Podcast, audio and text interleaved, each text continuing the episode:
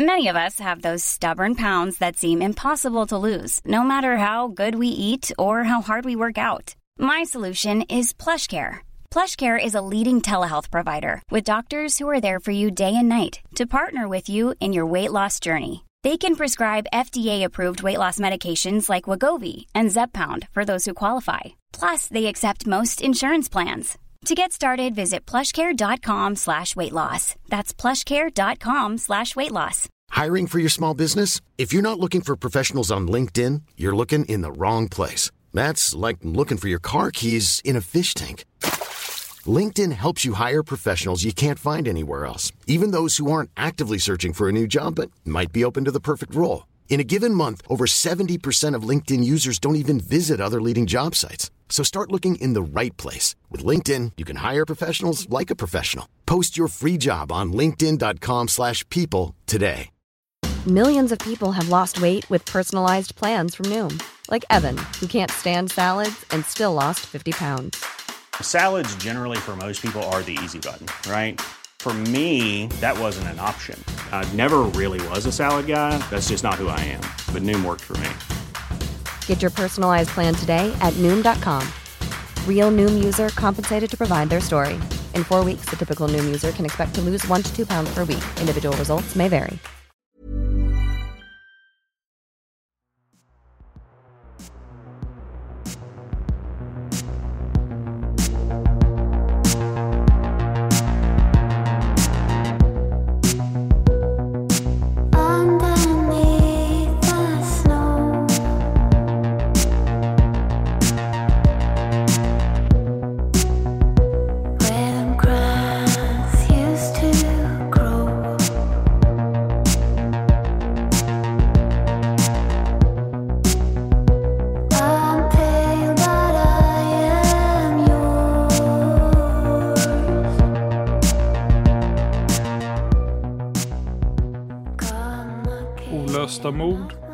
Mördade Zodiac Cherry, del 4. Jag heter David Oskarsson och det är jag som har skrivit denna avsnittsserie. Olösta mord är en podd som bara ställer frågor och aldrig ger några svar. Vad tror du själv? Kontakta oss gärna med dina teorier om fallen som vi tar upp. Kontaktinformationen finns i avsnittstexten i din poddapp och i slutet av avsnittet. Om du som lyssnar på Olösta mord skulle vilja vara med och sponsra podden får du hemskt gärna göra det på Patreon. Du går då helt enkelt till patreon.com och söker på Olösta mord. Det rör sig om en liten summa per avsnitt, men det gör en jättestor skillnad för oss. Vi släpper nya avsnitt regelbundet varje vecka, men om vi av någon anledning inte skulle göra det, då dras inte heller några pengar.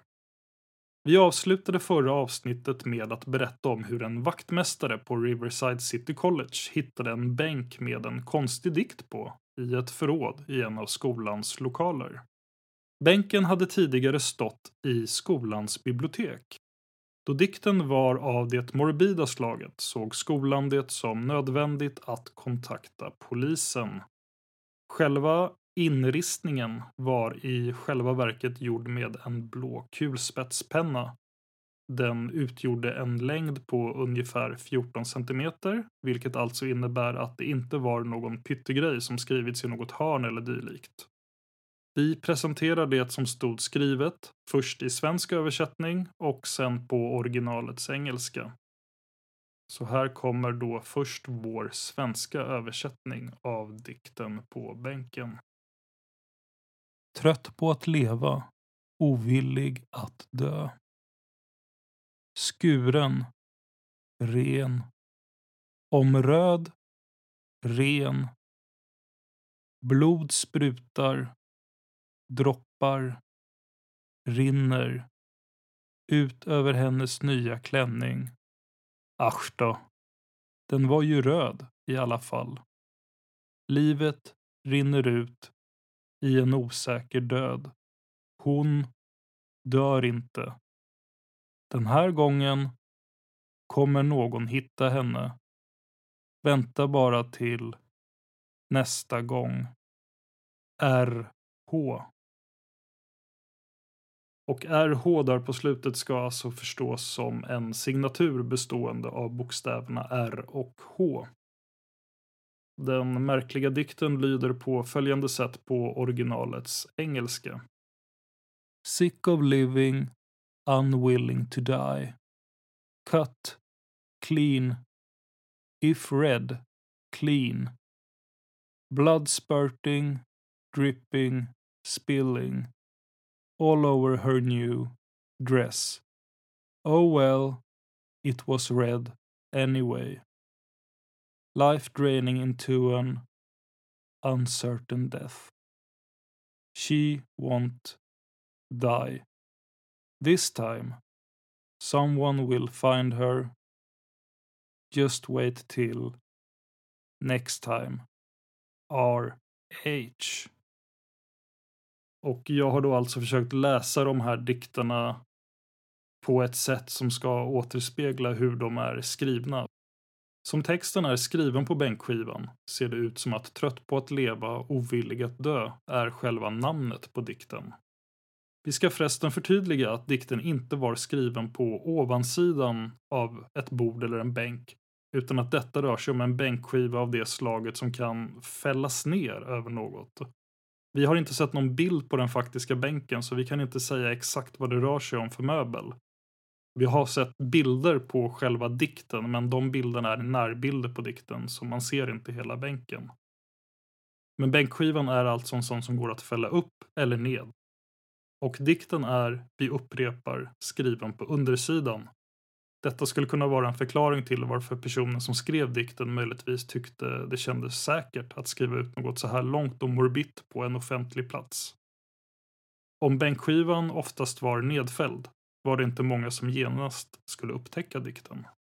Tankarna hos både vaktmästaren, hans arbetsgivare och polisen var förstås att dikten skulle ha något att göra med mordet på Sherry Joe Bates. Ibland frågas det förresten, i olika sammanhang, huruvida personen som upptäckte dikten skulle ha varit samme vaktmästare, Cleophas Martin, som upptäckte Sherry Joe Bates efter mordet. Men vi kan berätta att det inte var det. Vi har dock inte namnet på personen som hittade bänken med dikten. Den morbida dikten kopplades dock inte endast till Cherry. Den 13 april 1965 blev en ung kvinna utsatt för en knivattack på Riverside City College.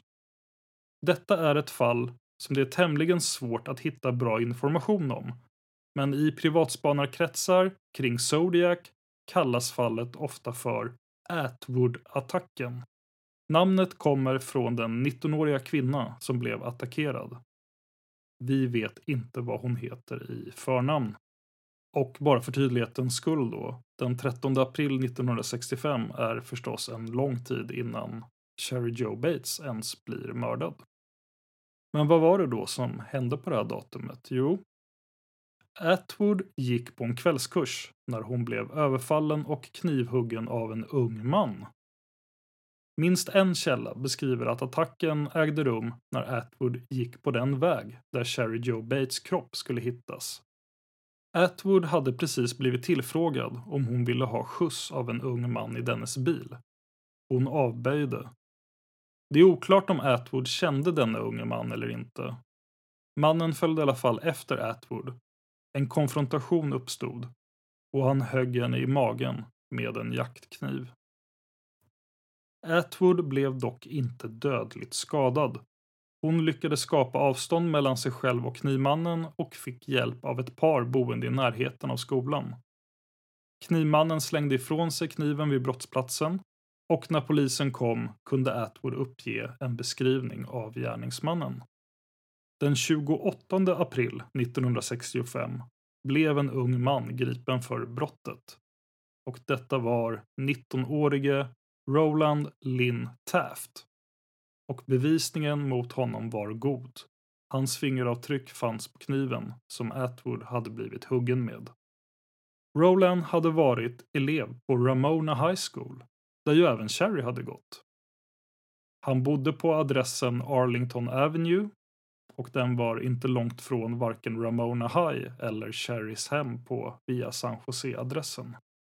Vi vet inget säkert om Rolands motiv till attacken mot Atwood.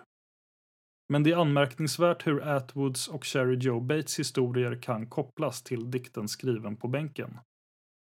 Dikten beskriver vad som låter som ett mordförsök som misslyckas. Hon dör inte. Den här gången kommer någon hitta henne. Och detta följs sedan upp av den hotfulla raden Vänta bara tills nästa gång. Det verkar rimligt att dra slutsatsen att personen som skrivit dikten skulle vara den som försökt mörda Atwood och att personen i dikten berättar om sitt nästa planerade mord och hur det kommer att lyckas. Och om det nästa mordförsöket skulle vara mordet på Sherry Joe Bates, ja, då lyckades det ju. Om man resonerar på ovanstående sätt finns det flera detaljer som är intressanta. Vi påminner om att dikten hade en signering längst ned. Bokstäverna R, H. Alltså bokstaven R och bokstaven H. Skrivna i gemener, det vill säga små bokstäver. Detta har många tolkat som kod för det datum som mördaren planerade att mörda på nästa gång. RH skulle då stå för Riverside Halloween. Kusligt kan tyckas. Men vi kan berätta att det inte var Roland som greps för attacken mot Atwood som mördade Sherry Joe Bates. Detta av den enkla anledning att han satt i fängelset för just attacken mot Atwood när Sherry dödades den 30 oktober 1966. Hey, it's Danny Pellegrino from Everything Iconic. Ready to upgrade your style game without blowing your budget? Check out Quince. They've got all the good stuff shirts and polos, activewear, and fine leather goods, all at 50 to 80% less than other high end brands. And the best part? They're all about safe, ethical, and responsible manufacturing. Get that luxury vibe without the luxury price tag. Hit up quince.com slash upgrade for free shipping and 365 day returns on your next order. That's quince.com slash upgrade. There's never been a faster or easier way to start your weight loss journey than with PlushCare. PlushCare accepts most insurance plans and gives you online access to board-certified physicians who can prescribe FDA-approved weight loss medications like Wigovi and Zepbound for those who qualify.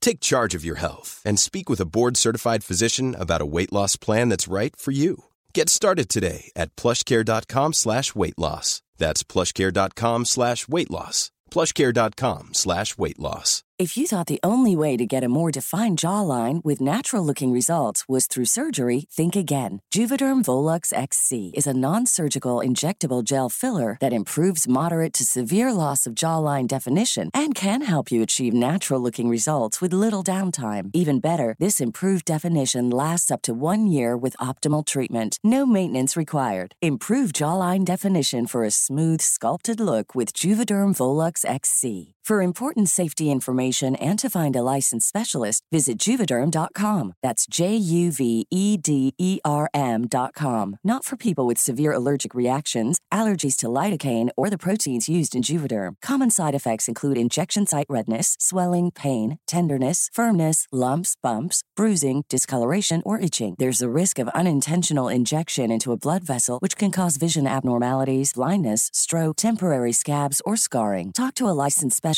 to find out if it's right for you. Det verkar också osannolikt att Roland skulle ha skrivit dikten på bänken. Han greps endast 15 dagar efter attacken på Atwood och vi har inte sett några uppgifter om att han skulle ha gått på Riverside College, vilket han rimligen borde ha gjort om man skulle vilja misstänka honom för att vara diktens upphovsman. Däremot är det inte helt otänkbart att dikten skulle kunna vara inspirerad av mordförsöket på Atwood. Rent av inte otänkbart att personen som skrivit dikten skulle kunna vara Cherry Joe Bates mördare. Om dessa saker stämmer, i synnerhet att Cherrys mördare blev inspirerad av attacken mot Atwood, skulle det innebära att Cherrys mördare är en copycat-mördare. Men trots bekännelsebrevet, trots de tre andra breven som följde det, och trots den mystiska dikten på bänken, kom inte Riverside-polisen någonstans med fallet. Åtminstone inte än på ett tag. Men den 20 december 1968 blev två ungdomar attackerade på Lake Herman Road vid Benicias stadsgräns i Kalifornien. Det var 17-årige David Arthur Faraday och 16-åriga Betty Lou Jensen som satt i Davids Rambler vid en känd Lovers Lane, en plats dit ungdomar åker för att vänslas, när en mystisk man klev fram ur skuggorna och sköt dem båda. 16-åriga Betty dog. 17-årige David klarade sig, men var svårt sargad. Den 4 juli 1969 blev 19-årige Michael Renault Machot och 22-åriga Darlene Elizabeth Ferrin attackerade på ett liknande sätt i Blue Rock Springs Park i Vallejo i Kalifornien. Michael överlevde. Darlene dog av sina skador. Innan någon ens hade hunnit uttrycka en tanke om att en seriemördare kunde vara i farten inkom brev till tre stora tidningar i Kalifornien. Det var Vallejo Times Herald, San Francisco Chronicle och San Francisco Examiner.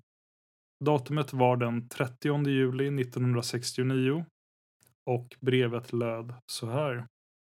Käre redaktör. Detta är mördaren som dödade två tonåringar förra julen på Lake Herman och tjejen den 4 juli nära golfbanan i Vallejo. För att bevisa att jag mördade dem ska jag räkna upp några detaljer som endast jag och polisen känner till. Jul 1. Märket på ammunitionen Super X 2. Tio skott avlossades. 3. Pojken låg på rygg med fötterna riktade mot bilen. 4. Tjejen låg på sin högra sida med fötterna mot väst. 4 juli 1. Tjejen hade på sig mönstrade strumpbyxor. 2. Pojken sköts också i knät. 3. Märket på ammunitionen var Western. Här är en del av ett skiffer. De andra två delarna av detta skiffer har skickats till redaktörerna på Vallejo Times och SF Examiner. Jag vill att ni trycker det här skiffret på er första sida av er tidning. I skiffret finns min identitet. Om ni inte trycker det här skiffret innan fredags eftermiddagen den 1 augusti 1969 så kommer jag gå bärsärk på fredagskvällen. Jag kommer köra runt hela helgen och mörda ensamma personer under natten och fortsätta med det tills jag dödat ett dussin människor under helgen. Brevet var signerat med en symbol liknande ett hårkors. Symbolen som syns på streckplattan i till exempel ett gevärssikte. Och detta blev startskottet för den våldsvåg och mediacirkus uppbådad av seriemördaren Zodiac. Som vi sa tidigare i den avsnittsserie, om du inte är bekant med denne seriemördare sedan tidigare, lyssna på Seriemördarpoddens 11 avsnitt om honom. Det är ett av världens mest kända seriemördarfall och ett av de få som än idag, när detta skrivs 2024, är olöst. Efter detta första brev kom det många fler och Zodiac utförde ytterligare två bekräftade attacker som resulterade i två döda. Attacken mot Brian Hartnell och Cecilia Shepard den 27 september 1969 och mordet på taxichauffören Paul Stein den 11 oktober 1969. Den 27 oktober 1970 fick journalisten Paul Avery ett halloweenkort som skickades till tidningen San Francisco Chronicles adress. Det var för den tidningen som Paul Avery arbetade, bland annat tillsammans med författaren, då tecknaren Robert Graysmith, som ju idag är starkt förknippad med Zodiac-fallet. Paul Avery är för övrigt den journalist som spelas av Robert Downey Jr. i David Finchers film Zodiac från 2007. Halloweenkortet var ett köpt dussinkort, men det var modifierat. Originalkortet visade ett skelett i skämtteckningsstil med en pumpa framför skrevet. Till höger om skelettet stod “Från din hemliga kompis”. När kortet öppnades var det nu en bild på samma skelett, men i attackposition. På kortets vänstra insida stod skrivet Bu! Du är körd! Under skelettet, på kortets högra insida, fanns flera symboler. bland annat ett Z som i Zodiac och symbolen liknande ett hårkors som seriemördaren ju gärna signerade med. På baksidan av kortet var orden Parasite, fadersmord och Slaves, som i slavar, skrivna så att de bildade ett kors. I korsets olika hörn stod det sedan skrivet By fire, by gun, by knife, by rope. På svenska alltså ungefär med eld, med vapen, med kniv, med rep. Halloweenkortet i fråga sågs som ett direkt hot mot Paul Avery, signerat Zodiac. Av den anledningen publicerade San Francisco Chronicle en artikel om det inträffade på sin första sida den 31 oktober. Denna publicering innebar en ström av insändarbrev till tidningen. Och ett av dem löd på följande vis. Notera alltså att detta brev inte är från Zodiac, i alla fall inte så vitt vi vet, utan från en insändare som skrev med anledning av det hotfulla halloweenkortet. Så här kommer det brevet. Snälla, se till att innehållet i detta brev når polisen som ansvarar för Zodiac-fallet. Jag hoppas att den här informationen kan hjälpa er, då vi båda gärna vill se fallet få sin lösning. Vad gäller mig själv önskar jag att förbli anonym, och jag vet att du förstår varför. För några år sedan, i Riverside, Kalifornien, blev en ung flicka mördad precis vid, tror jag, halloweenkvällen. Jag skulle kunna skriva ett mycket längre brev som redogör för alla likheter mellan Zodiac-fallet och det här mordet som skedde i Riverside. Men om polisen inte kan se likheterna mellan de två fallen, då tar jag en roddbåt till Kina, oavsett om, om fallen skulle ha olika gärningsmän. Jag tror, efter att all fakta har granskats vad gäller båda fallen, om polisen inte redan har undersökt de här möjligheterna och inte redan känner till Riverside-fallet, då tror jag att de kanske borde kolla in det. Herr Avery, jag kommer ringa dig inom kort. Snälla, kolla in fallet. Riverside-polisen har massa information och det har San Francisco också. Låt oss hoppas att de inte är för stolta för att samarbeta. Men om de redan skulle samarbeta, låt oss hoppas att de utbytt information med varandra. Och där slutar det brevet. Even when we're on a budget, we still deserve nice things. Quince is a place to scoop up stunning high-end goods for 50 to 80% less than similar brands. They have buttery soft cashmere sweaters starting at $50, luxurious Italian leather bags, and so much more. Plus, Quince only works with factories that use safe, ethical, and responsible manufacturing. Get the high-end goods you'll love without the high price tag with Quince. Go to quince.com slash style for free shipping and 365-day returns. Uh, en roddbåt till Kina är en svensk översättning av det amerikanska uttrycket A slow boat to China. Uttrycket kommer sig av att det skulle ta en fasansfullt lång tid att resa till Kina från USA. Just i en roddbåt. En långsam sån dessutom. Brevförfattaren använder uttrycket som i Fattar ni inte det här, då ger jag upp. Detta brev fick Paul Avery att personligen resa från San Francisco till Riverside för att undersöka fallet med den unga flickan som blev mördad vid halloweenkvällen, Sherry Joe Bates. Detta utan att först vidarebefordra brevet till citat de som hade hand om Zodiac-fallet, slutcitat, det vill säga Dave Tosky och kompani. När Avery började gå igenom utredningen för mordet på Sherry reagerade han framför allt på de bekännelsebrev som alla tre verkade vara signerade med något som såg ut som ett Z. Sherry hade blivit mördad en lång tid innan Zodiacs första kända offer, David Faraday och Betty Lou Jensen, den 20 december 1968. Hela två år rent av. Kunde bekännelsebreven vara skrivna av Zodiac själv? Och var Sherry Joe Bates i sådana fall Zodiacs första offer?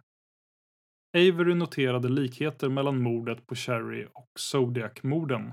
Zodiac hade använt kniv när han attackerat 20-årige Brian Calvin Hartnell och 22-åriga Cecilia Ann Shepard vid Lake Berryessa i Napa County den 27 september 1969. Sherry hade dött just till följd av en brutal knivattack. Dessutom hade hon varit mycket ung, som de flesta av Zodiacs offer. Sherry var 18. Zodiacs yngsta offer var 16-åriga Betty Lou Jensen och hans äldsta den 29-årige taxichauffören Paul Stein.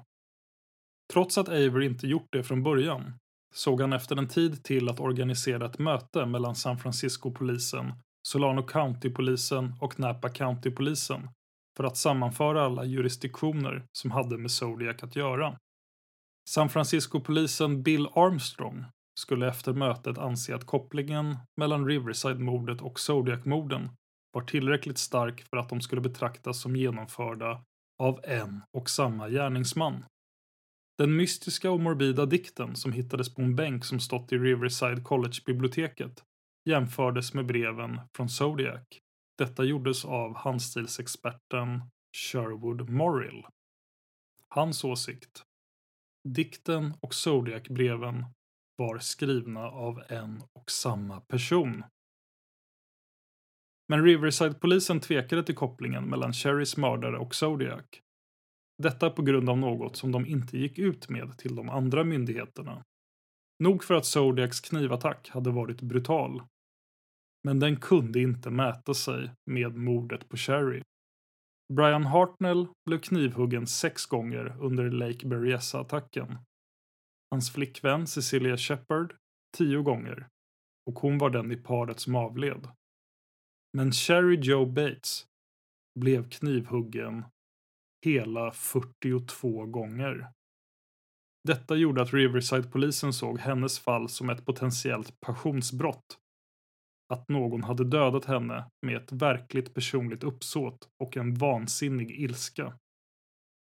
Och några sådana tecken tyckte de sig inte se hos Zodiac-morden.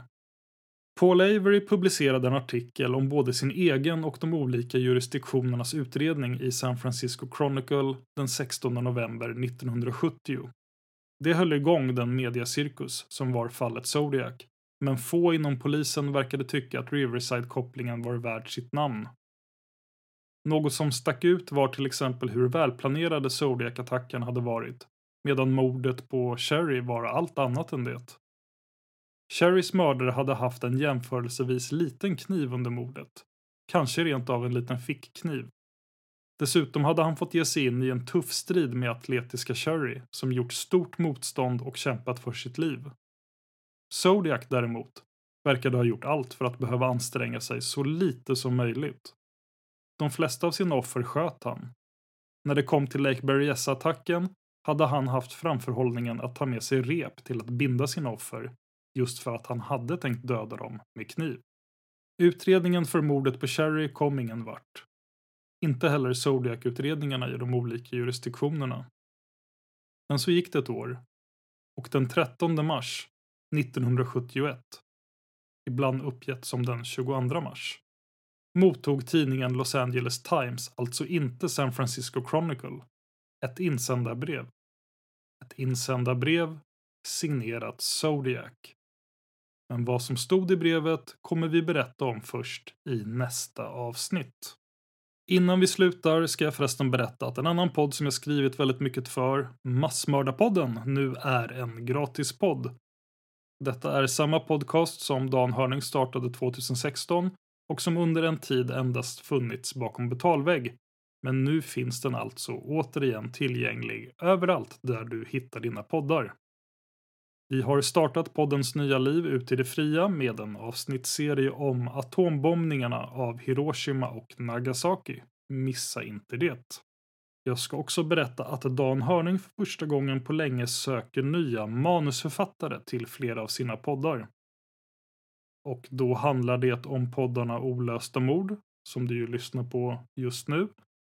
Mördarpodden, som Dan Hörning gör tillsammans med Josefin Måhlén och även en helt ny podd som ännu inte är släppt. Det är en podd som kommer handla om olösta mysterier. Om du är intresserad av att skriva för någon av de här poddarna kan du mejla till simwaypodcast@gmail.com. Och det här är ju samma mejl till vilken du kan mejla oss dina teorier om fallen som vi tar upp här i Olösta mord. Jag som skrivit, läst, klippt och producerat detta heter David Oskarsson. Tack till Trippnaha som gjort låten Immune som ni hör i början och slutet av varje avsnitt. Och tack till dig för att du lyssnar på Olösta mord.